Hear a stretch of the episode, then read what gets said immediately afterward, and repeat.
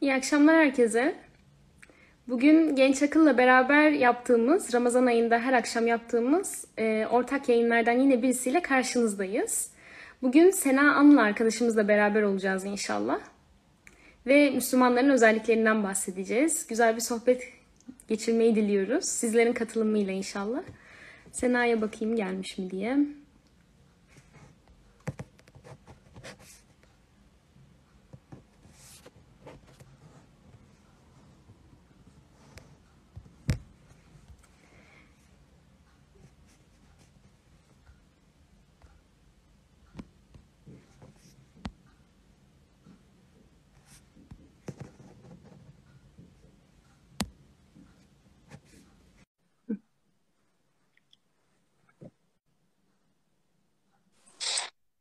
Sena'cığım hoş geldin. Merhaba Mayde, nasılsın? Sağ ol, iyiyim. Sen nasılsın? Teşekkür ederim, ben de iyiyim. Şimdi yorumları kapatayım. İzleyenlerim da geliyorlar. Ben de Tamam. seni merak ediyordur diye ufak bir tanıtmak istiyorum. Tamam. Ee, biz Sena'yla iyilik yolunda çabalar karşılaştık. Allah yollarımızı öyle kesişti. Sonrasında dostluğumuzda devam ediyoruz. Ve sohbetlerimiz arasında da olduğu kadarıyla birbirimize hakkı hatırlatmaya çalışıyoruz elimizden geldiğince. Aslında bugünkü amacımız da aramızda yaptığımız sohbetlerden birini buraya taşımaktı. Öyle konuştuk aramızda. Hatta Allah yolunda yani çok şükür Allah bize e, Sena bu arada çok e, kendisi de belki söylemek ister. E, tıp okuduklarımız da bu konuda da e, birbirimize yardımcı olmaya çalışıyoruz. İki tıpçı olarak Allah'ın ayetlerini birbirimize hatırlatmaya çalışıyoruz. E, bu şekilde biz bugün Sena ile birlikte Müslümanların özelliklerini anacağız. Aslında e, her zaman söylediğimiz Kur'an tamamen bütünüyle Müslümanların özelliklerini anlatan bir kitap. Bizim hayat rehberi olmamız gereken bir kitap. Dolayısıyla burada bugün bahsedeceğimiz ayetler sayıda ayetler olacak. Öncelikle izleyenlerimize bunu söylemek isteriz. Yani e, Müslümanların tüm özelliklerini an, anabileceğimiz bir yayın mümkün değil maalesef. Biz bütün ayetleri anamayız. Ama e, hatırlatıcı olabileceğimiz, kendimize hatırlatıcı daha doğrusu nasıl daha iyi bir Müslüman olabilirim? Bir Müslüman nasıl bir duruş sergilemeli? Bunun üzerine konuşacağız inşallah. Her zamanki gibi bir de anarak başlayalım. Bütün iyilikler ve güzellikler Allah'tan, bütün yanlışlar, hatalar ise bizden. O yüzden e, biz elimizden geldiğince kitabı okuyup anlamaya çalışan ve hayatına katmaya çalışan gençleriz. Hayatına uygulamaya çalışan gençleriz. Dolayısıyla bugün burada bizden her ne duyarsa e, mutlaka Kur'an'ı kendileri okuyup e, bizden duyduklarını sorgulayarak inşallah hayatlarına katmalarını tavsiye ediyoruz. Bir sözü sana bırakayım. Çok güzel söyledin Mayde. Ee, söylediklerine katılıyorum. Yani tabii ki de biz kendi çabamızla bir şeyler okumaya çalışıyoruz ve birbirimize aktarmaya çalışıyoruz. Ya Allah e, nasip etti. Şu an e, bu yayınla inşallah başka insanlara aktarmaya çalışacağız. Ama tabii ki de hata da yapabiliriz. Yanlış yapabiliriz, yanlışlar yapabiliriz. Her türlü yapıcı eleştiriye ben de açayım doğrusu. Siz de aynı şekilde. Evet. E, sesin peki nasıl geliyor? Kesik geliyor mu? Senin arada kesiliyor bende. Gayet iyi. Benim Tamam. Gayet iyi seninki. Tamam. Ee, öncelikle herkesin Ramazan ayını e, hayırlı ve sağlıklı geçirmesini diliyorum. Ee, ben e, işte ilk böyle Kur'an'ı okuduğum zaman çok etkilenmiştim. Ee, ve kendime dedim ki gerçekten de e, çok güzel mesajlar içeren bir kitap göndermiş Allah bize.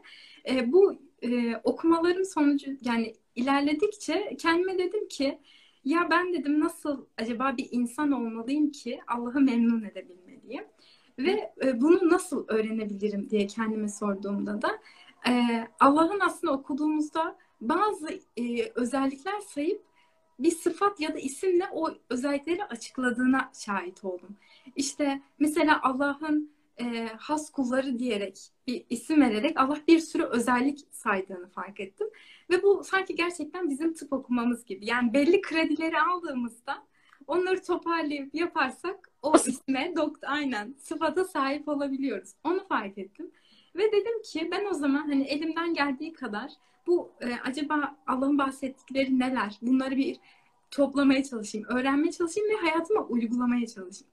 Tabii Doğru. ki de uygulama kısmı her zaman çok kolay olmuyor. Çünkü her daim hatırlamak lazım ve her daim e, bilinçli bir şekilde yaşamak lazım.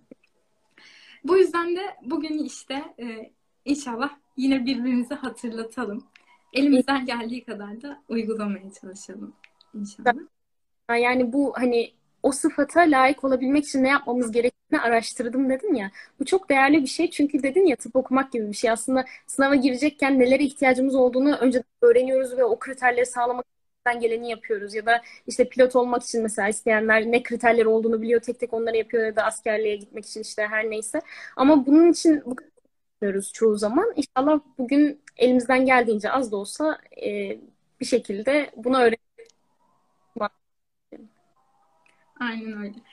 Ee, ben Asır suresiyle başlamak istiyorum. Asır suresi 3 ayetlik. Hem çok kısa ama aslında çok derin anlamları içeren bir ayet. Asıra yemin olsun diye başlıyor Allah. Yani orada asır zaman olarak söylüyorlar. Ve insanoğlu ziyandadır diyor. Ziyanda olmayanlardan bahsediyor çoğu insanın ziyanda olduğunu ve ziyanda olmayan kişilerin özelliklerinden bahsediyor diyor ve diyor ki inanıp güvenenler, işte iman edenler diye de çeviriyorlar. İyi işler yapanlar, birbirlerine hakkı, doğruları ve sabrı tavsiye edenlerdir diyor. Aslında ziyanda olmamak çok zor bir şey değil. Sadece bilinçli ve e, birazcık da kavrayarak yani hayatı sadece yaşamak için değil de bir amaç uğruna belki de yaşamayı gerektiriyor. Mesela e, inanıp güvenmek bu mesela kişiyle ilgili bir şey. Bunu kendisi karar verecek, kendisi değerlendirecek. Sonra iyi işler yapmak. İyi işler yapmak da aynı şekilde biraz bireysel bir şey. Toplumu tabii ki de etkiliyor. Ama özünde kişiyle başlayan bir şey. Ama birbirine hakkı, doğruları ve sabrı tavsiye etmek bana çok toplumsal geliyor.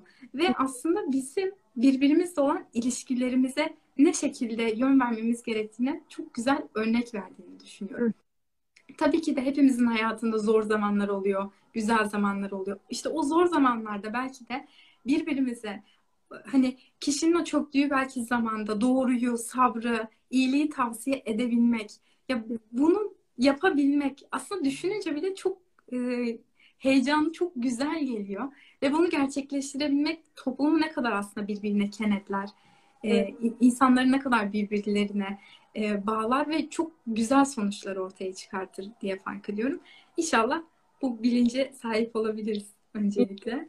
Ben burada şey eklemek istiyorum. Hani demiştin ya iyilik yapmak da biraz kendine de bir kısım toplumsaldan ziyade kendine de bir kısım var diye. Evet. Aslında şey vardı. Mustafa İslamoğlu'nun mealinde e, açık mealinde e, okumuştum ben de. Bir hasenat kavramı var, bir de salih amel kavramı var. Salih amel topluma yaptığın iyilikler aslında. Hasenat kavramı da kendine yaptığın iyilikler. Burada işlemek diye geçiyordu yanlış hatırlamıyorsam ayette. İman edip salih amel işleyenler aslında topluma yönelik olduğunu da anlıyoruz. Bir yandan da zaten devamında anlattığı o sabrı, hakkı, merhameti tavsiye etmekten de onu çıkartabiliriz gerçekten. Ve Allah gerçekten de salih amele çok önem veriyor. Sürekli iman etmek, yani iman etmek, hasenat işlemek, hasenat e, sahibi olmak vesaire değil. Direkt iman etmek ve salih amel işlemek olarak anlatıyor. Dolayısıyla çok güzel söyledim. Bir de insan olarak sosyal bir ve buna muhtacız. Yani e, tek başımıza da doğabiliriz. Tek bir insan olarak da yaşayabilirdik bütün e, dünya üzerinde ama böyle yaratılmamıştık. Allah bizlere hem fizyolojik, biyolojik ihtiyaçlarımız için hem de ruhsal ihtiyaçlarımız için birbirimize muhtaç yaratmış aslında. Bu muhtaçlık, e, bu kötü muhtaçlık değil. Birbirimize hakkı tavsiye ediyorsak eğer aslında burada çok güzel e, şey doğuyor. Çünkü birbirimize bir e, böyle hani cimriliği, kötülüğü, benliği değil de Allah'ı hatırlatıyoruz. Yani en çok sevmemiz gerekeni hatırlatıyoruz. Bu kötü bir şey değil aslında. E, bu çok güzel şey. Teşekkürler. Aynen. Aslında senin söylediğine de şöyle bir katkı yapmak istiyorum. Mesela İsra suresinin 7. ayetinde de Allah diyor ki bir yani biri iyilik yaparsa aslında kendisine iyilik yapar. Kötülük yaparsa da aslında kendisine kötülük yapar. Böyle Kur'an'da bazı ayetler var. Bazen hayal ediyorum. Diyorum ki sadece bu ayeti hepimiz yapabilsek aslında o kadar güzel bir dünya olur ki. Mesela bir insan kötülük yap yapacakken düşünse ve dese ki ya aslında kötülüğü ben ona değil kendime yapıyorum dese o kötülüğü belki de yapmayacak. Evet. Çünkü kim kendi kendine bilerek kötülük yapmak ister ki? Bu işte kavramları belki de anlamları kendimize oturttuğumuz zaman çok daha huzurlu ya da mutlu bir hayat sürebileceğimize inanıyorum. belli doğrular var. O doğru e, ya toplumsal olarak ya da kendi içimizdeki bazı şeylerden dolayı ruhsal olarak o nefsin e, sakvası bir de fücuru var ya o fücur yani eğrilme sebebiyle o doğruyu unutuyoruz ya da şeyler yani e, Mehmet Okuyan çok güzel söylüyordu. Beyaz pirincin içerisinde beyaz taşların olması gibi. Ama Allah öyle doğrular ediyor ki Kur'an söylüyor ki aslında onu bilmek, sadece onu bilmek, o hangi taşın beyaz, hangi taşın işte te, taş olduğunu, pirinç olduğunu ayırt edebilmek çok net sağlıyor. Yani buna da aslında Kur, Furkan özelliği e, söylüyor. Yani Allah diyor ya eğer sahibi olursanız size bir Furkan vereceğim. Yani doğruyu yanlış e, doğruyu yanlıştan ayırt etme özelliği vereceğim diyor. Aynen. Aslında bu söylediğim de çok bilgiyle ilişkili. Mesela hiçbir şey bilmeyen bir insan o pirince baktığında hangisinin pirinç hangisinin taş olduğunu ayırt edemez. Ama mesela bunu biri ona öğretmişse ya da o kendisi bunu öğrenmişse yani bilgi sahibi ise kişi der ki pirinç budur, taş budur ve ayırabilir. Aslında biz Kur'an'ı okuyarak kendimize bunu e, aşılamaya çalışıyoruz. O bilgiye sahip olmaya çalışıyoruz. Ve bilgi gerçekten de o Furkan yeteneğini, ayırt edebilme yeteneğini bizde oluşturuyor. O ayet okuduğumda ben de çok heyecanlanıyordum. Şu an sen söyledin tekrar çok heyecanlandım. Doğru. Ee, bir sonraki söyleyeceğim Alak suresinin ilk ayeti. Aslında ilk inen ayet olarak da e, geçiyor. Yaratan Rabbinin adıyla oku diyor mesela ayette. Bu ayeti mesela ben ilk okuduğum zamanlar e, hani oku kelimesinden, ikra kelimesinden tek böyle hani kitap, kitap oku, işte yok ders oku, bilmem ne okuyu anlamıyoruz aslında. Oku derken hayatı oku, işte e, anlamları oku, belki kavramları oku. Yani yaşayışı okumak, doğayı okumak ve çok geniş anlamlı şekilde böyle kendimce düşündüğümde aslında ne yaparsan yap, nereye bakarsan bak, işte ne işle uğraşırsan uğraş, hep böyle Allah ile başlayıp belki de Allah ile bitirmek gerektiği e, kavramını bende oluşturmuştu. Bu yüzden de bunu da tekrardan kendime hatırlatmak istedim ve paylaşmak istedim. Çok güzel söyledin. Yani çok hak veriyorum sana. Hani başta ben de onu şey zannediyordum. Böyle sadece seslendirmek anlamındaki oku. Peygamberimiz bilmiyordu okuma yazma zannediyordum. Değilmiş. Kur'an okuyunca bunu fark ettim. Ümmi kelimesine yanlış ama ondan ziyade e, okumak gerçekten de dediğin gibi e, bütün bütün ayet. Çünkü Allah'ın sadece Kur'an'da değil ki. Doğadaki ayetlerde Allah'ın ayeti, Allah'ın ayetiyiz. Hatta Zariyat suresinde diyor ya siz de görüyor musunuz diyor. Senin de hatırladığın ee, orada ben onu hatırlıyorum. Ee, bir de Fusilet Suresi'nde şey ayet var ya size e, afakta ve e, içinizde ve dışarıda ayetlerimizi göstereceğiz ve bu gerçek olduğunu anlayacaksınız. İçinizdeki ayetler, dışarıdaki ayetler uyuştuğu zaman orada e, iman pekliyor. Bilgi gerçekten oturuyor ve iman pekliyor. Aynen. Hatta bu söylediğinle ilgili ben işte eskiden Zakir Naik'i dinliyordum. O mesela benim çok hoşuma giden şöyle bir şey söylemişti. Mesela Allah bize böyle direkt bilimsel açıklamalar yapmıyor. Yani demiyor işte şu şöyle şöyle hiçbir şey söylemiyor. Sadece bize ok gösteriyor. Mesela diyor ki aya bakın. Mesela sen aya baktığında hani şey gibi böyle bir soru sorup sorunun derinliğine indiğinde aslında orada kaybolmak gibi. Ee, bize Allah işaretler gösteriyor belli yerlere. Ondan sonra bizden de onu belki de e, anlayıp kavrayıp alan büyüklüğünü çok daha iyi anlayabileceğimiz işaretler koyuyor. Yani yine bilginin gücüyle e, elde edebileceğimiz o belki de huzur dolu e, durumlar söz konusu oluyor burada. Bugün düşündüm bu konu üzerine ve bana, beni çok rahatlattı. Şimdi biz birbirimize hani Allah'ın bizi çok sevdiğini, Allah'ın rahmeti, e, bazen sevgi diye de çevriliyor ama bağışlayıcılığı, merhameti kendisine ilke biliyor. Ve şöyle bir şey de var. E, bazen kendi aramızdaki ilişkilerimizde de deriz. Ben mesela Sena'yı seviyorum derim. Ama bunu seviyorum dememle eyleme dökmesine fark var. Belki ben eyleme dökmüyorsam, seni umursamıyormuş gibi davranıyorsam ama seviyorum diyorsam burada bir asıl sorgulanması gerekir. Sözden ziyade eyleme bak. Allah sevgisini de, merhametini de ayetlerle gösteriyor. Yani yeryüzündeki ayetlerini gecede gündüzde yapraklarda, ağaçlarda, yağmurda, toprakta her yerde ayetlerinin olduğunu söylüyor ve bunun rahmetine bağlıyor.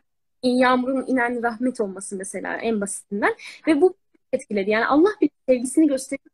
Yani sevgisini gösteriyor yani. Hani yapıyor bunu. Bizim görebilmemizi sağlıyor.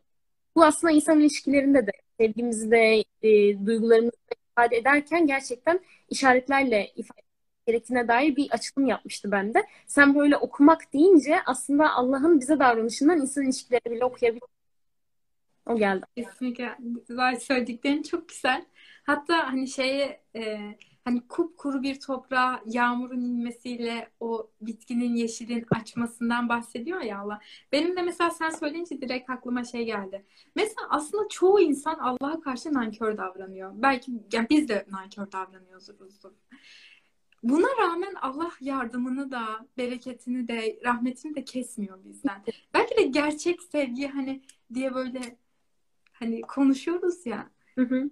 Sana ya biz onunla bu kadar e, nankör davranıyorken bizle bize asla rahmetini kesmiyor. Ya bence mesela küçükken bir hata bir vazoya kırmışsınızdır ya da ne bileyim okulda bir yaramazlık yapmışsınızdır. Eve gelirsiniz. Annenize ağlamak ya da onu anlatmak istersiniz. Ama anneniz eğer ki size cezalandırıcı bir tepki verirse mesela of bunu nasıl böyle yaparsın derse ya da daha farklı bir tepki verirse bundan bunu anlatmak bile istemezsiniz. Saklarsınız mesela. Ama e, size böyle güzel yaklaşırsa hani ilk önce ağlıyorsanız sizi teselli ederse sonra acaba bunu neden yaptın? Hadi bir de bana bunu anlatır mısın? Sen dinleyeyim derse ve seni anlarsa mesela çok daha farklı olur. Allah ben Allah'ta bunu görüyorum. Yani çok daha fazlasını görüyorum. Annemiz bizi çok seviyor ama Allah bizi ondan çok daha fazla seviyor.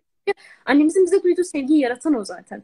Ve ben her ne yaparsam yapayım bazen o kadar çok nankörlüğe düştüğümü fark ediyorum ki şeytan çok vesvese veriyor. Diyor ki yani Allah'ın yokmuş gibi benimle konuşuyor. Yani Allah'a ne kadar yönelirsen yönel Allah sana vermeyecekmiş gibi. Cezalandırıcı bir Allah varmış gibi. Tabii ki Allah'ın cezası var ama aynı zamanda Allah bize tövbe kapısı da yani ölene kadar e, günahlarımızı için bize dua edebilmemiz için Kur'an'da bir sürü ayet var. Dua edin diyor, affedin diyor.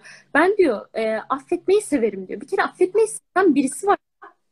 Yani o yüzden gidip Allah'a ağlayıp yakarıp bütün hatalarımızı içtenlikle söyleyip ardından da tövbe ediyoruz. Ve bu hani müthiş bir şey. Bunu eklemek istedim. Konu şey olunca aklıma geldi. Aslında var ya senin söylediklerin direkt insanı İnşirah suresine götürüyor. Hani böyle çok bunaldığımızda işte e, bir kapı aradığımızda gerçekten İnşirah suresini okumak çok insana faydalı oluyor. Ve ben mesela e, özellikle 5. ve 6. ayetlerinden bahsetmek istiyorum. Allah mesela orada e, her zorluğun arkasında bir kolaylık vardır diyor.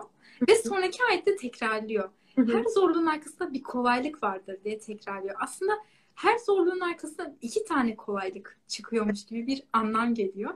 Ve aslında düşününce e, bir zorlu zorlandığımız bir meselede asla çözülmeyecek gibi gelen meselelerde bile aslında o çözüme kavuştuktan sonra arkasından bize bir oh çektiren, e, yuhu çektiren ekstra şeyler de oluyor yani ve bunu bize mesela söyleyerek içimizi rahatlatıyor ama. Hemen ardındaki ayette de şöyle söylüyor. Diyor ki boş kalınca başka bir işe koyul. Mesela niye mesela direkt e, biz düşünelim mesela zor zamanlardan geçsek çok e, stresli bir şekilde çalışsak ve daha sonra o stresli meselemiz çok güzel bir şekilde sonuçlansa ve o zorluğun arkasına bir kolaylık gelse biz ne yaparız? Bir tatil yapayım, bir uzanayım, bir şöyle yapayım deriz. Ama aslında o boş kaldığımız dönemde bile tekrar işe girişmek gerektiğini, e, hayatımızın aslında her saniyesinin değerli olduğunu ben mesela İnşirah suresinin 7. ayetinde çok derin derin hissetmeye başlamıştım. Hatta bir yerden sonra şey oluyorsun. Ya ben boş mu vaktimi geçiriyorum? Yok işte şunu yapıyorum boş bir şey mi diye düşüne düşüne e, kendi davranışlarımızı şekillendiriyoruz. Ve bu bakımdan da bunu toplumsala vurduğumuzda yani herkesin boş vaktini çok e, bir işle geçirmesi, verimli hale getirmesi aslında ne kadar çok ileriye götürecek bir aşama olduğunu da fark ediyorum şeyde de yok mu? Depresyonun tedavisinde hani anlatırken mesela kitaplarda hep e, şey derler. Hemen bir işe koyulmanız gerekir. İstemeseniz de ne kadar zorlansanız da en basit bir iş bile olsa. Çünkü o sırada insan gerçekten siz bir kuyudadır öyle depresyonu. Böyle simsiyah bir kuyunun içindesiniz ve asla ışık yok ve çıkabileceğinize dair hiçbir umudunuz yok derler. Ama e, böyle hissetmene rağmen gündelik işlerini yapabilmek için çabala derler. Yani en ufak bir işe dahi koyul. Mesela birisi şey yazmıştı. Hakan Türkçe okumuştum. e, diş fırçalamak için e, şey demiş dağa çıkmaktan çok daha zor demiş mesela depresyondayken. Ona rağmen diş fırçalamak e, için uğraşın diyorlar mesela psikiyatristler. Allah da aslında tedavi ediyor bence ruhsal olarak. Yani o zor evet. an biraz koyul bak o nasıl sana iyi gelecek dercesine sanki. Aynen öyle. Gerçekten.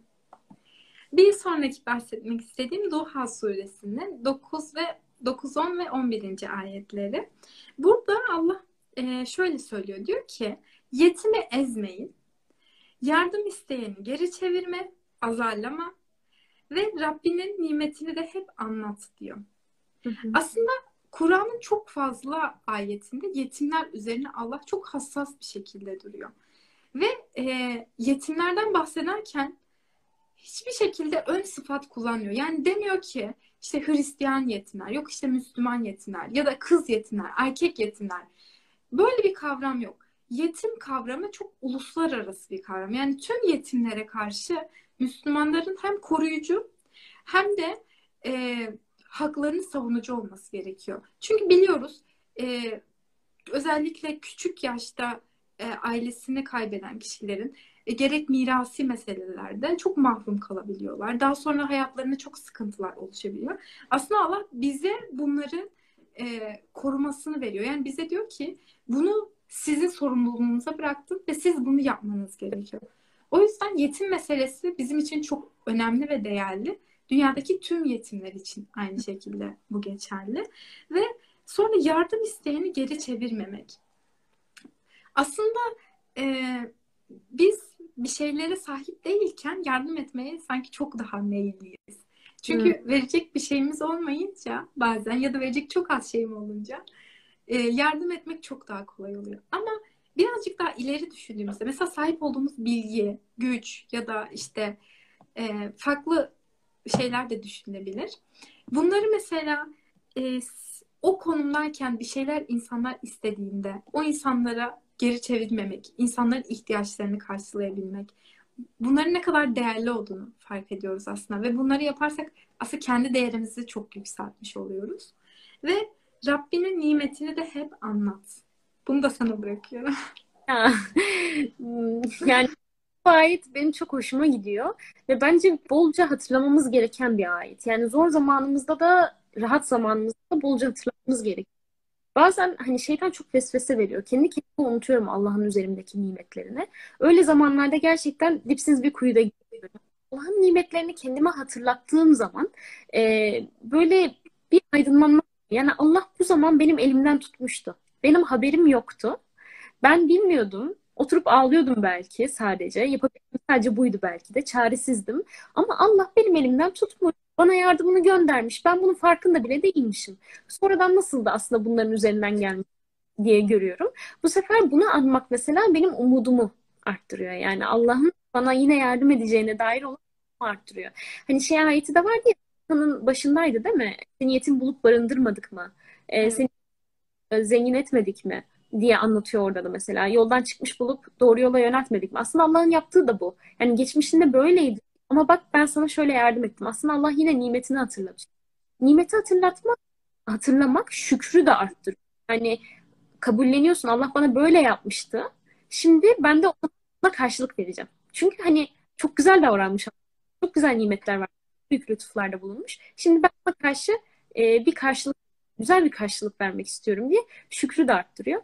Bu yüzden e, e elimizden geldiğince e, bu konuda dikkatli e, çabalamak gerektiğini düşünüyorum. Böyle bunlar geldi. Kesinlikle doğru söylüyorsun. Bir de şöyle bir şey var. Yani e, özellikle değindiğin şu nokta bence çok önemli. Allah bize o çok zor zamanımıza yardım ettiğinde ve biz ona nankörlük yaptığımızda bir dahaki zorluğumuzda Allah'tan istemeyi çekiniyoruz ya da belki utanıyoruz. Hani diyoruz ki Allah bana niye yardım etsin? Ben önceki sefer bu kadar nankörlük yaptım. Belki de dur olan durumumuzu çok daha kötüye çekebiliyoruz. O yüzden sürekli hatırlamak, onun verdiği nimetleri şükredebilmek aslında en başta bizim psikoloji, psikolojimiz için çok iyi. Kendimizi gerek ifade etme biçiminden. Yani e, hani yine bir ayet var direkt ismini söyleyemeyeceğim. Hani diyor ki Allah'ın rahmet kapısını açtığı kişinin kapısını kimse kapatamaz. O kapıyı da Allah kapatmışsa o kapıyı hiç kimse açamaz. Evet. Yani Allah'ın ne kadar büyük olduğunu, bizim umudumuzun tamamen onda olduğunu ve e, her bakımdan dönüşümüzün de ona, gidişimizin de ona olduğunu fark edebilmemiz açısından çok çok değerli. O nankörlüğü göstermemek ya da o e, kötü durumdan çıkıştaki e, kendi iyi halimizde bile Allah'ın nimetlerini hatırlamak gerçekten çok değerli. Çok güzel söyledin. İki, zaten mesela Meali suresinde de bahsedeceğim. Orada mesela e, bir tip insanlardan bahsederken onlar hani diyor ki e, e, onlar mesela e, Allah onların bir işte sıkıntısını giderdikleri zaman işte darlıktayken giderdiği zaman bir anda cimri kesilirler. Yani sahip oldukları şeyleri aslında kendi ihtiyaçları varken Allah onları verdiği halde kendileri sahip olduğunda vermeme davranışını gösteriyorlar şeklinde bahsediyor. Burada çok ufak bir ayet eklemek istiyorum Senacığım. Ee, çok bir ayet aslında ama ben hani bunu böyle bilmiyorum bana son günlerde Allah yerlerin, göklerin ve ikisi arasındaki Rabbidir diyoruz. Her şeyin mülkü sahiptir diyoruz. Bunu söylemek çok basit. Ama gerçekten hissetmek yani her şeyin sahibinin Allah olduğunu ve ona döndüreceğimizi ve sahip olduğumuz bir şeyler giderse elimizden aslında bizden emanetçisiydik yani biz onların. Sahibine gitti aslında. Bunu söylemek gerçekten bu dediğini yaptılar. Hani mesela Allah bana bunu vermişti. E, istediği zaman alabilir. Bu Allah'ın nimetiydi. Bana bir lütfuydu. Bu zamana kadarmış demek ki benim yararlanmam. Ve şu da çok güzel. Allah dilerse çok daha güzelini de yaratır. Yani öyle ayetlerde var ya Talak suresindeydi yanlış hatırlamıyorsam. Allah çok farklı bir kapı da açabilir. Hiç bilmediğimiz bir kapı da açabilir. Çok daha güzel bir nimet de verebilir. Yani Allah'ın hazinesi sonsuz. Bunu hatırda tutarak e, ve sahibinin bizi bilerek elindeki nimetlerin bunu hatırlamak çok güzel. Teşekkür ederim. Bir de mesela e, malın, çocuğun e, ve sahip olduklarımızın bir sınav olduğunu bize hatırlattığı ayetlerde var. Yani e, bir bakarsın çok fazla malın var ya da çok fazla evladın var ama hiçbir sana fayda veremiyor. E, öyle bir hale gelirsin ki e, ne kadar şeye sahip olursan ol hiçbir anlam ifade etmez. Aslında burada da gücün, kudretin, her şeyin Allah'a ait olduğunu çok rahat bir şekilde görüyoruz. Bir sonraki bahset, bahsetmek istediğim Leyl suresi. Leyl suresinin e, dördüncü ayetinden itibaren bahsedeceğim. Burada ilk önce Allah insanların davranışlarının farklı farklı olduğundan bahsediyor. Ve diyor ki kim cömert olur ve Allah'tan çekinerek kendini korur. Bir de en güzeli Allah'ın ayetlerini kabul ederse en kolaya kolayca ulaşır diyor. Sonraki ayette de şöyle devam ediyor. Diyor ki kim cimrilik eder? Allah'tan çekinme ihtiyacı duymaz. Ayetleri e, en güzel sözü inkar ederse, yalanlarsa onu da en zora kolayca ulaştırırız diyor. Ve düştüğü zaman da malı işine yaramaz diyor. Aslında az önce de bahsettiğimiz. Ya ko- en kolaya kolayca ulaşmak. Mesela e, bir şeylerin bir şeylere ulaşmak genelde insanı e, genelde zorlayan şeylerdir. Özellikle de e, çaba gerektiren şeylerdir. Ama en kolay bir şeye çok kolay bir şekilde ulaşmanın formülü o kadar aslında kolay vermiş ki Allah. Yani cömert olmak bize cömert olmamızı söylüyor. Allah'tan çekinerek kendini korumak diyor. Ve e, en güzel sözü kabul etmek. Yani Allah'ın ayetleri şeklinde de e, meallerde okudum. Bunları yaparsak en kolaya kolayca ulaşacağımızı, yapmazsak tersi şekilde davranırsak da en zora kolayca şekilde ulaşacağımızdan bahsediyor. Ve daha sonradan da e, ayetlerin devamında e, sizi alev saçan ateşe karşı uyarıyorum diyor Allah. Sonra diyor ki e, bu ateşe girecek insanlar var, girmeyecek insanlar var. Girecek insanların özelliklerini şöyle söylüyor. Bu 15 ve 16. ayette. Yalana sarılan, gerçeğe sırtına dönen kişiler. Bunların bu e, alev saçan ateşe karşı kendilerini koruyamayacaklarından bahsediyor. Bunun aksine kendini koruyacakların özelliklerini de şöyle sayıyor. Bu da 18 ve 20. ayetlerinde var. Bu insanlar malını verip kendini geliştirir. Hmm. Yani e, aslında tek tek de gidebiliriz. Malı verip kendini geliştirmek.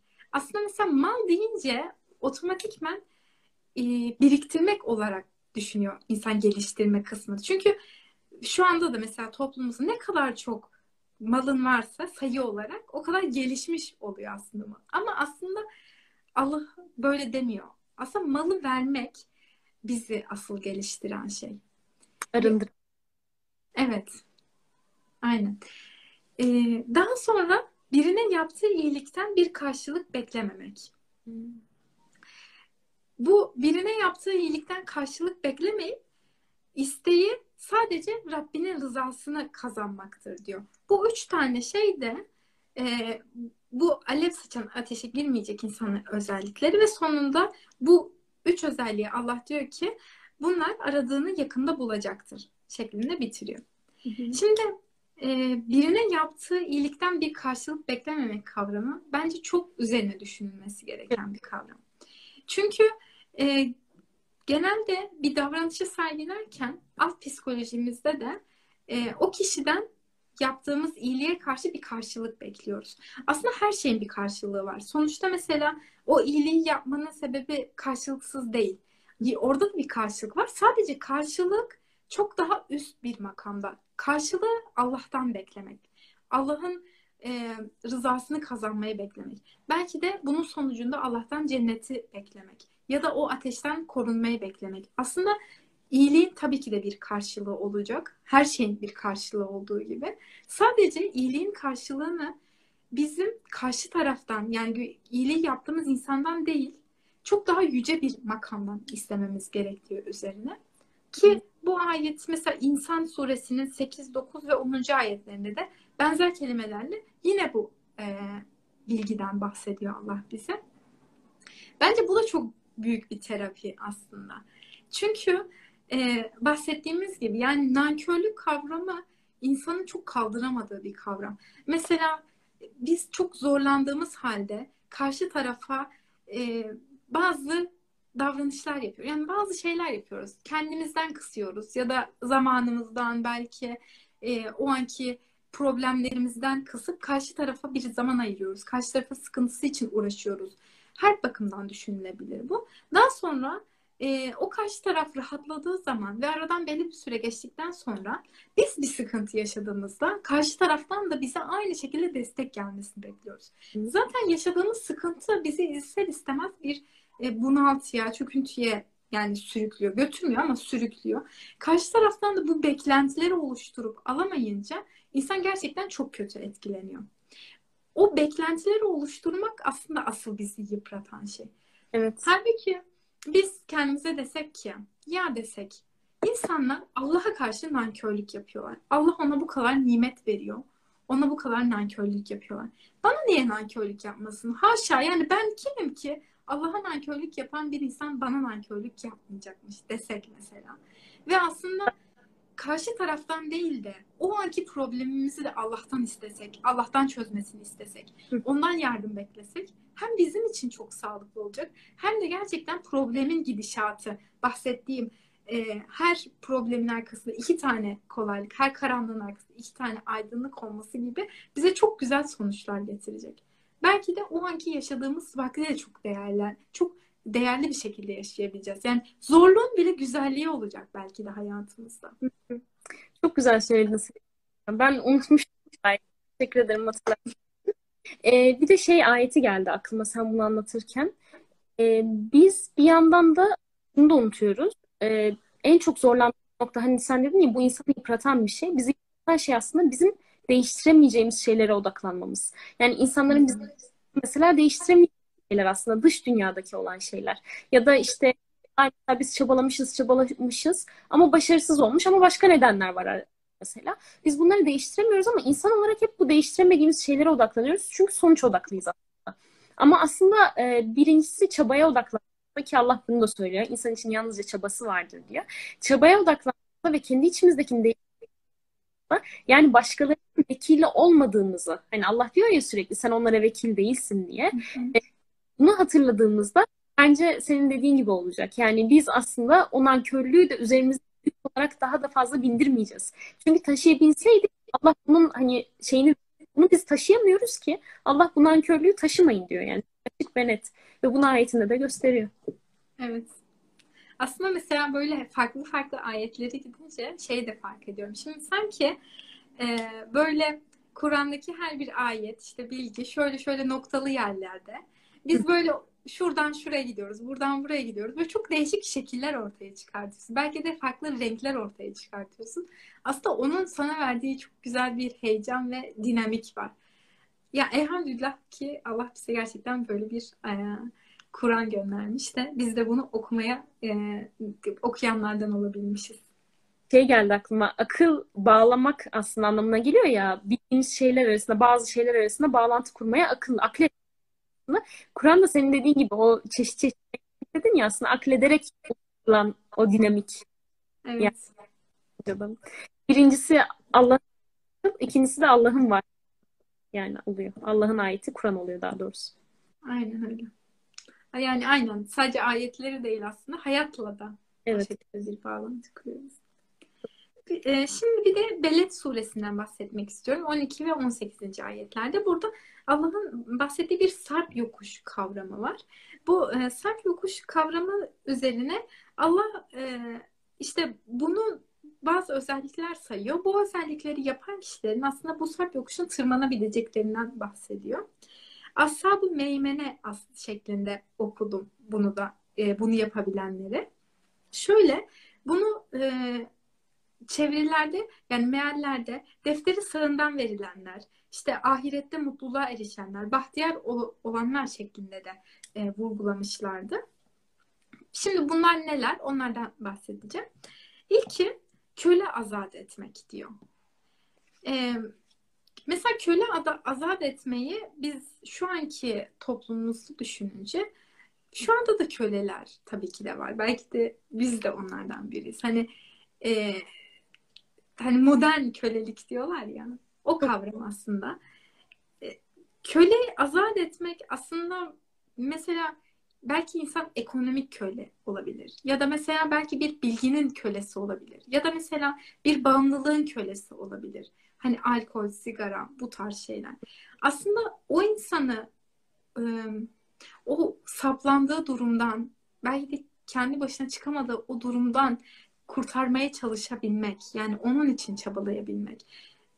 Belki de sarp yokuşun işte ilk yapmamız gereken özelliklerinden biri.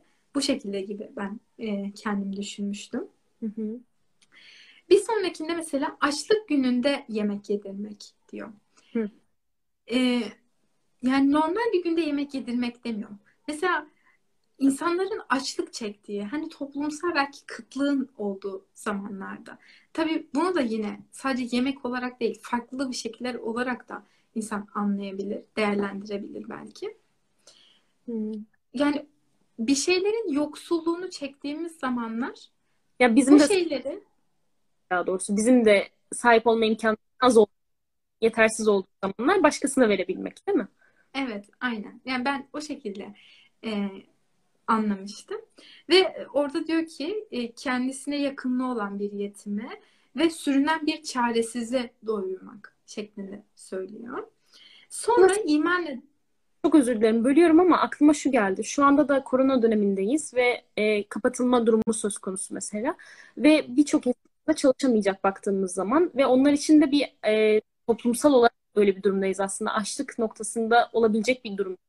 Belki de tam bugünlerde o aşıları evet. doyuran yani biz de belki bizim de belki yeterince değil ama o yeterince değilken birilerine verebilmek. Evet aslında çok güzel söyledin. Biz mesela çünkü genelde böyle insan bir şeyleri uzaktan değerlendirince sanki hiç kendi hayatında yokmuş, hiç kendi hayatında olmayacakmış gibi değerlendiriyoruz. Aslında e, çok hayatımızın içerisinde. Çok katılıyorum. İnce ben zaten hani düşünebiliriz dedim belki daha farklı diye o yüzden aklıma geldi. Yok kesinlikle haklısın. Sonra e, iman nedenlerden olmak ve yine burada da söylüyor birbirine sabrı ve merhameti tavsiye edenlerden olmak diyor Allah. Bu da çok güzel. Aynen. İşte bu, bu özelliklere sahip olabilmek, bunları yapabilmeyi e, o sarp yokuşun tırmanabilenler, tırmanabilecek olanlar özellikleri olarak söylüyor. E, bir de Meariç suresinden bahsetmek istiyorum. Şimdi Meariç suresinin ilk ayetinde şöyle başlıyor. Diyor ki birisi başa gelecek azabı sordu. Yani e, azap hakkındaki soruyla başlıyor. Daha sonradan e, bunun üzerine Allah bahsediyor. O azabın aslında uzak olmadığını, e, onlara uzak göründüğünü ama aslında azabın yakın olduğundan bahsediyor. Ve şöyle diyor. Diyor ki e, günahkarlar diyor sahip olduklarını e, o azap geldiği zaman günahkarlar sahip oldukları her şeyleri fidye olarak verip o azaptan kurtulmak isteyecekler. Mesela eşini, karısını verecek, çocuklarını verecek, sahip olduğu tüm malları vermek isteyecek. Dünya kadar mal olsa hepsini vermek isteyecek ve sırf o azaptan kurtulabilmek için her şeyi verebilecek potansiyeli gidebileceğini söylüyor. Ki yani düşünelim bu nasıl bir azap ki insan hani karısından, çocuğundan, kendi malından feragat edip o azaptan kurtulmak istiyor. Böyle bir azaptan bahsediyor Allah. Ve bu günahkarları da e, özellikleri olarak şöyle söylüyor. Bunlar doğruları sırtını dönen, mal biriktirip saklayan, insan e, mal biriktirip saklayan kişilerdir diyor. Hani başta da bahsettiğimiz o malı verip kendini geliştirmeyi aslında Allah'ın tavsiye ettiğini, o malı toplayıp toplayıp saklamanın ne kendine ne başka insanlara yarar sağlamayacağını buradan anlıyoruz. Ve burada şundan da bahsediyor. Diyor ki insan cimri yaratılmıştır. Başına bir sıkıntı gelse sızlanır, durur. Hı. Ama nimete konsa onu kimseye vermez. Bu e, insanoğlunun gerçekten belki de savaşması gereken, kendi içerisinde savaşması gereken bir özelliği.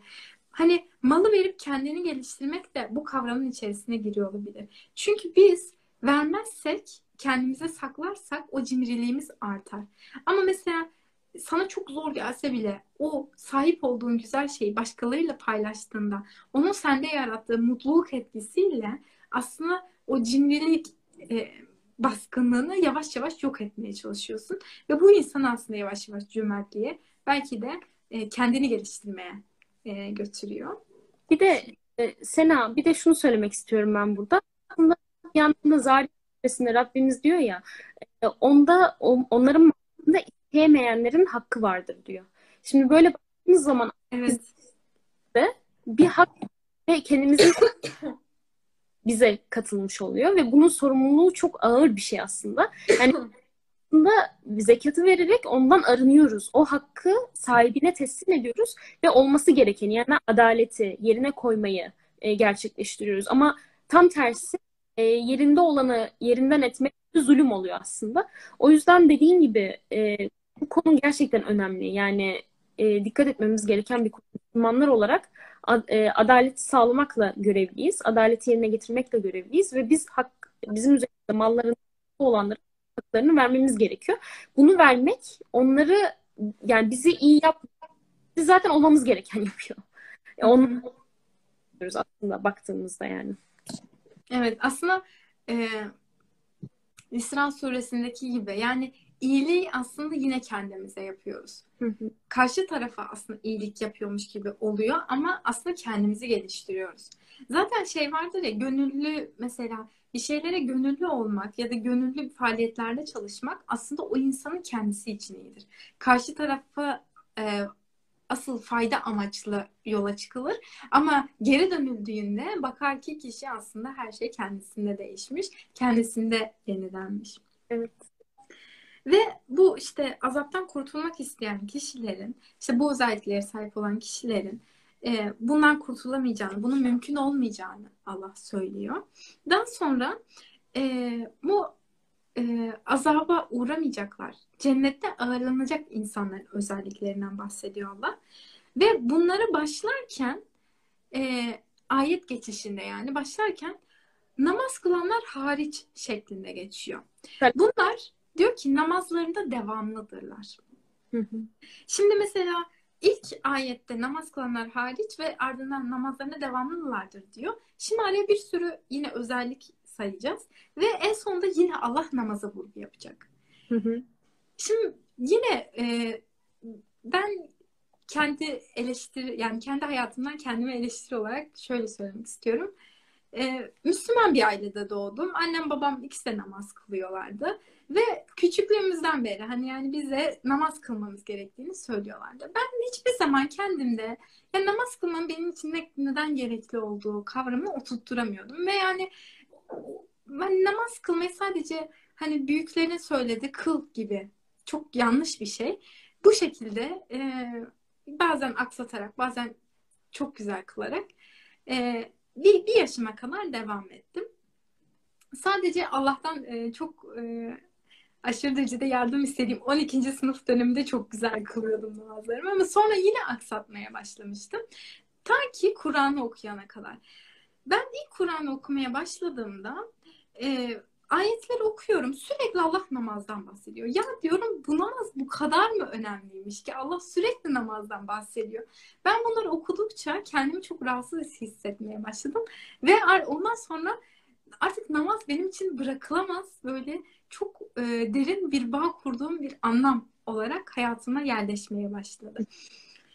Belki de ailemin bende oluşturmaya çalıştığı şeyi Allah bana çok kısa bir sürede ya da o background'la, o işte birikimle karşıma çıkarttı ve şu an mesela namaz kılmadan kendimi hiç huzurlu hissedemediğimi fark ediyorum. Çünkü o bağı kurduktan sonra ya da onun önemini kavradıktan sonra ne kadar bizim için değerli olduğundan bahsediyor. Anladıktan sonra hayatımızı hem düzene koyuyor, hem olayları ve kavr e, e, olaylara ve durumlara karşı kavrayışımızı işte açılarımızı genişletiyor. Belki dertleşme ortağı oluşturuyor bize Allah çok değerli bir şey. Umarım gerçekten e, o kavramı ve o değeri e, herkes bir gün içinde hisseder yani. Bazen iyi insan çok derin hissediyor. Bazen sönüyor sonra tekrar derin hissediyor. demek istiyorum. Benim de benzer olmuştu. Ben de namaza hani Müslüman bir ailede doğdum. Ben namaz konusunda çok şey, yani kılamıyordum açıkçası. Ee, ve üniversiteye geçtiğimde başlamam gerektiğini hissediyorum. Bir şekilde başlamam lazım ama nasıl başlayacağımı bilmiyorum ve sürekli şu cümleyi duyuyorum. Başlayacaksan tam başlayacaksın. Böyle kesmek, kesmemek, yani bir yapmak, bir yapmak akıllarda devam etmek gerekiyor farkındayım ama bir türlü o hani devam et nasıl devam edeceğimi bir o motivasyon vesaire bulamamıştım. Kur'an'ın Türkçesini, mealini okumaya başladıktan sonra ben de dediğin gibi işte sürekli namaz kılmaktan, salat etmekten bahsediyor ve sonra da sonra kendiliğinden oldu. Yani tamamen zaten Allah benden bunu istiyor tabii ki yapacağım noktasına geldi. Çok şükür hamdolsun. Ve şunu fark ettim. Andaki namaz yani istediği namaz e, bir ayet var. Sarhoşken ne dediğinizi bilinceye kadar namaza yapmayın diye. Evet. O namazın e, en önemli farzının yani olması gerekenin ne dediğini anlamak olduğunu anlıyoruz. Ve namazı da biz kılarken e, ister Arapça kılalım ister Türkçe. Ben Türkçe kılıyorum açıkçası. Kendi anladığım dilde kılıyorum. E, çünkü Allah'ın benden bunu istediğini düşünüyorum. Ne an, anladığımı yani anlayarak kılmamı istediğini düşünüyorum. Ha, belki Arapçasını okuyup da anlayan da vardır. Ona da bir şey demiyorum tabii ki. Allah bilir burada. E, en doğrusunu Allah bilir. Ama anlayarak kılmanın en önemli olduğunu düşünüyorum. Çünkü anlayarak kıldığımda bana işliyor zaten ayetler. Ben o esnada mesela bir ayete bakıyorum. Allah diyor ki onlar kibirlenmezler diyor kibirlenmenin ne kadar e, sıkıntılı olduğunu söylüyor. Namazını bitirdikten sonra kibirlenmemem gerekiyor. Yürürken dikkat ediyorum mesela. Sesimi yüksek, e, alçaltmada dikkat ediyorum mesela. Fark etmede daha dikkatli davranıyorum. Yani aslında günün bazı vakitlerinde bize hatırlatıyor mesela. İşte hatırlamak bizim elimizde. Namazı da o yüzden anlayarak kılmamız gerektiğini düşünüyorum. Bunu da not, not olarak düşmüşüm. Evet.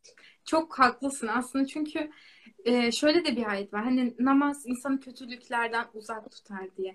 Şimdi mesela insanın e, belki anlamını iyi kavrayamadığı kelimeleri sürekli söylemesi, her defasında aynı şeyi tekrarlaması onu nasıl kötülüklerden uzak tutacak diye düşündüğümüzde bu birazcık soru işareti uzuyor yani. Çok cevap veremediğimiz bir soru oluyor bence. Ve e, bir şeyleri aslında namaz hatırlatmak da kendimize. Yani e, her defasında mesela Allah'ın nimetini hatırlat diyor diye konuştuk. Her defasında o şey kendimize hatırlata hatırlata hatırlata artık onu e, bir refleks haline getiriyoruz. Hani bazı davranışlar vardır. Bazı davranışlar vardır. Yani yaparken o davranışı bazen fark etmeden yaparsın. Ya ben niye böyle yaptım ya ben niye böyle söyledim dersin. Aslında bizim bilincimize bunu aşılamaya çalışıyoruz namazla ve bunun da bilinçli olması lazım. Evet. Ben de aynı senin gibi e, kavr anlayarak ya da e, ne söylediğini, ne dile getirmek istediğini hissederek o namazı kılmanın gerçekten insanı manevi olarak da çok daha fazla tatmin ettiğini evet. şahit oldum. Evet hatta senle bunu konuştuk ilk konuştuktan sonra ben bu bilinçle namazı kıldığımda hayatımda hiç öyle güzel namaz kılmamıştım yani ve o o ritmi yakalayabilmek çok e, hayata karşı insanı tatmin ediyor. Yani sanki yaşamanın o güzelliklerini görmeye başlıyorsun. Kesinlikle. Gerçekten. Bu duyma meselesi var ya yani anlamadan kıldığım zamanlar az yani dikkat edemiyordum ki. Yani bir şey söylüyorum ama hani dikkatim çok çabuk dağılıyor. Anlayarak kıldığım şeylerde şu an konuşuyoruz mesela. Bir dediklerimizi anlıyoruz. Şu an bir iletişim halindeyiz. Bunun farkındayım ve buna göre dikkatliyim mesela. Ama anlamadığım bir şeyde diyelim ki ders videolarını İngilizce çok basit. Anlıyorum tabii de bazen diyelim ki anlamayasın tutuyor. Farklı değil ya mesela. Hani böyle anlamamak çok daha kolay mesela onu. Anlamamaya çalışmak çok daha kolay. Dikkatimin dağılması çok daha kolay. Ama istediğimde ve anlayarak okuduğumda çok daha farklı oluyor. O iletişimi yakalıyorsun. Bu arada son 10 dakikamız onu da söylemiş oldum. Tamam, tamam. Ee, o zaman şey namazının e, namazlarında devamlıdırlar dedik. Mallarından belli bir hakkın varlığını bilirler dedik. Bunu da bahsetmiştik. Ha, bunu sen bahsetmiştin yine. Onu ihtiyacını söyleyene de söylemeyene de ayırırlar. Hesap gününü içtenlikle kabul ederler. Rabler evet. Rablerinin azabından dolayı içleri titrerler, korkarak davranırlar. Ee, hiç kimse Rabbinin azabından güvende olmaz diyor Allah. Oy.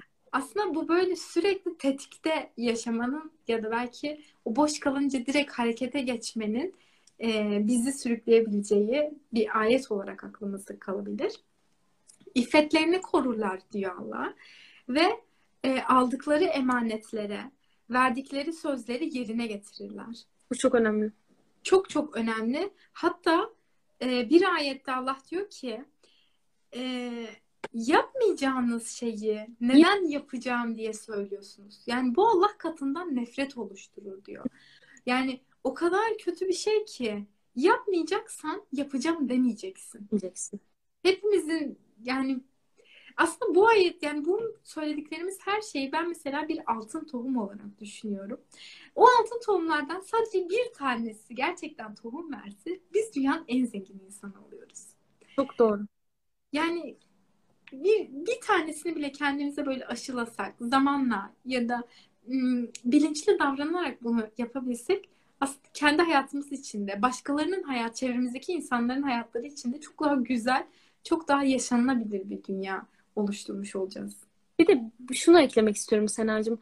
Ee, hani bu sözünü tutabilmek aslında bizim için gerekli olan bir şey. Neden? Çünkü sözünü tutamayan bir insan Allah'ın sözünde ne kadar ciddi olduğunu hakkıyla takdir edemeyebilir. Allah sürekli ayetlerinde diyor ki Allah'tan daha doğru sözlü kim olabilir ki? Ben bunu size vaat ediyorum, söz veriyorum. Ve bunda devamında da bunu söylüyor. Allah'tan daha doğrusu kim olabilir ki? Yani biz sözümüzü tutarsak eğer kendimizden emin olur bu izlenimi kendimize bile kabul ettirirsek ben bir insanım dersek aslında Allah'ın da sözünde nasıl durduğunu daha iyi anlayacakmışız ve buna daha çok güvenebilecekmiş geliyor bana. Evet çok haklısın. Ve sonrasında da diyor ki şahitliklerini dost doğru yaparlar. Ki bu da çok önemli bir şey. Ve yine en sonunda da diyor ki namazlarını titizlikle kılarlar. Hı hı. Maydi aslında benim e, bahsedeceklerim hani süremiz gereği bu kadardı. Ama küçük küçük e, değinmek istediğim ve öneri olarak söylemek istediğim birkaç şey var. Burada çok bahsetmedik ama Allah'ın sürekli sürekli bize söylediği e, anne babaya davranışlar. E, anne babaya öf bile dememek. On, mesela e, annenin e, seni karnında o güçlükle taşıması, daha sonra e, sana o küçükken gösterdiği merhametler. Allah hep bunlardan da bahsediyor. Hatta ben ayetlerini de söylemek istiyorum. Belki hani bakmak isteyen arkadaşlarımız olur. İşte Lokman suresinin 14. ayetinde e, anne babaya iyi davranmayı vasiyet ediyor Allah bize. Daha sonra e, Nisa suresinin 36. ayetinde, İsra suresinin 23 ve 24. ayetinde öf bile demememizden bahsediyor. Ve sonra orada mesela çok güzel bir merhamet duasından bahsediyor. Ee, bunun dışında önermek istediğim benim bana çok güzel gelen e, dört tane önerim var. Bir tanesi Rad suresi 19 ve 23. ayetler arasında. Bu adın cennetine girecek insanların özelliklerinden bahsediyor. Adın cenneti de üç kuşağın e, bir arada bulunabileceği cennet olarak geçiyor. Yani mesela sen, işte baban ve deden. Ha, bilmiyordum. Sen de o zaman bak. E, Rad suresinde. Ben diye hatırlıyorum. Cennet e, sunumu yapmıştım ama öyle diye hatırlıyorum. İçinde kalınmaya değer diye hatırlıyorum olarak. Efendim? İçinde? Yani değer anlamına geldiğini. Yani içinden çıkmak istemediğim diye hatırlıyorum. He, olabilir. Lokman suresinde e, Lokman peygamberin oğlunun öğütleri var. 19 ve 16 ve 19. ayetleri. Furkan suresinde Allah Rahman'ın has kullarından bahsediyor. Bence bu çok muhteşem. 63 ile 76 arasında. Bir de son olarak Bakara suresinin 177. ayetinde Allah iyiliğin tanımını yapıyor. Ee, ve hmm, hani hep böyle tartışılır iyiliğin ne olduğu, ne yapmamız gerektiği. Ben mesela Allah'ın direkt böyle bir ayet göndermesine de ilk başlarda şaşırmıştım ve çok mutlu olmuştum. O yüzden inşallah faydalanmak isteyen arkadaşlar e, faydalanabilirler. İstersen onu okuyalım. Yazdıysan Bakara 177'yi sonrasında yayınımızı kapatalım. Tamam okuyorum. Birazcık uzun ama okurum. Hı hı, güzel. Böyle e, biraz yani tam ayetleri yazmamış olabilirim. Böyle biraz kendimce yazmış oldum. Hani e, açayım mı ya da ayetlerden açayım. Ben okuyayım sen bilirsin. O da olur. Olur. Dur ya da açabilirim. Aç istersen. Tamam açtım. İyiliği de hatırlamış olalım. Tamam. Ee, nereden okuyorum? Bayraktar Hoca'nın mealinden okuyorum. Diyor ki iyilik yüzlerinizi doğu ve batıya çevirmeniz değildir. Asıl iyilik Allah'a, ahiret gününe, meleklere ve kitaba iman edenin malını çok sevmesine rağmen onu akrabaya, yetimlere, yoksullara, yolda kalmışlara, dilenenlere, köle ve esirlere verenin, namazı dosdoğru kılanın, zekatı verenin, sözleştikleri zaman gereğini yerine getirenin, sıkıntıda, darlıkta, hastalıkta ve savaşın kızıştığı zamanda sabır gösterenin eyleminden oluşur. İşte doğru olanlar bunlardır. İşte sakınanlar da bunlardır diyor. Sadakallahu aleyhi. Allah doğru söylüyor. Çok güzel oldu Senacığım ya. Gerçekten teşekkür ederim. İzleyenlerimize teşekkür ediyoruz. Bu akşam yayınımıza katıldıkları için. Ee, ama çok istifade ettim senden. Ee, Allah razı olsun diyorum gerçekten. Ee, inşallah hakkı sabrı merhameti andığımız bir yayın olmuştur. Dediğimiz gibi tüm iyilikler Allah'tan, bütün e, hatalar, e, yanlışlar ise biliyoruz. E, senin söylemek istediğin bir şey yoksa kapat. Teşekkür ederim e, beni davet ettiğin için. Benim için de çok güzel bir fırsat oldu. En azından bu zamana kadar çalıştıklarımı birilerine bak e, aktarabildiysem ne mutlu bana. Çok teşekkürler. Teşekkürler. Herkese hayırlı akşamlar. İyi akşamlar.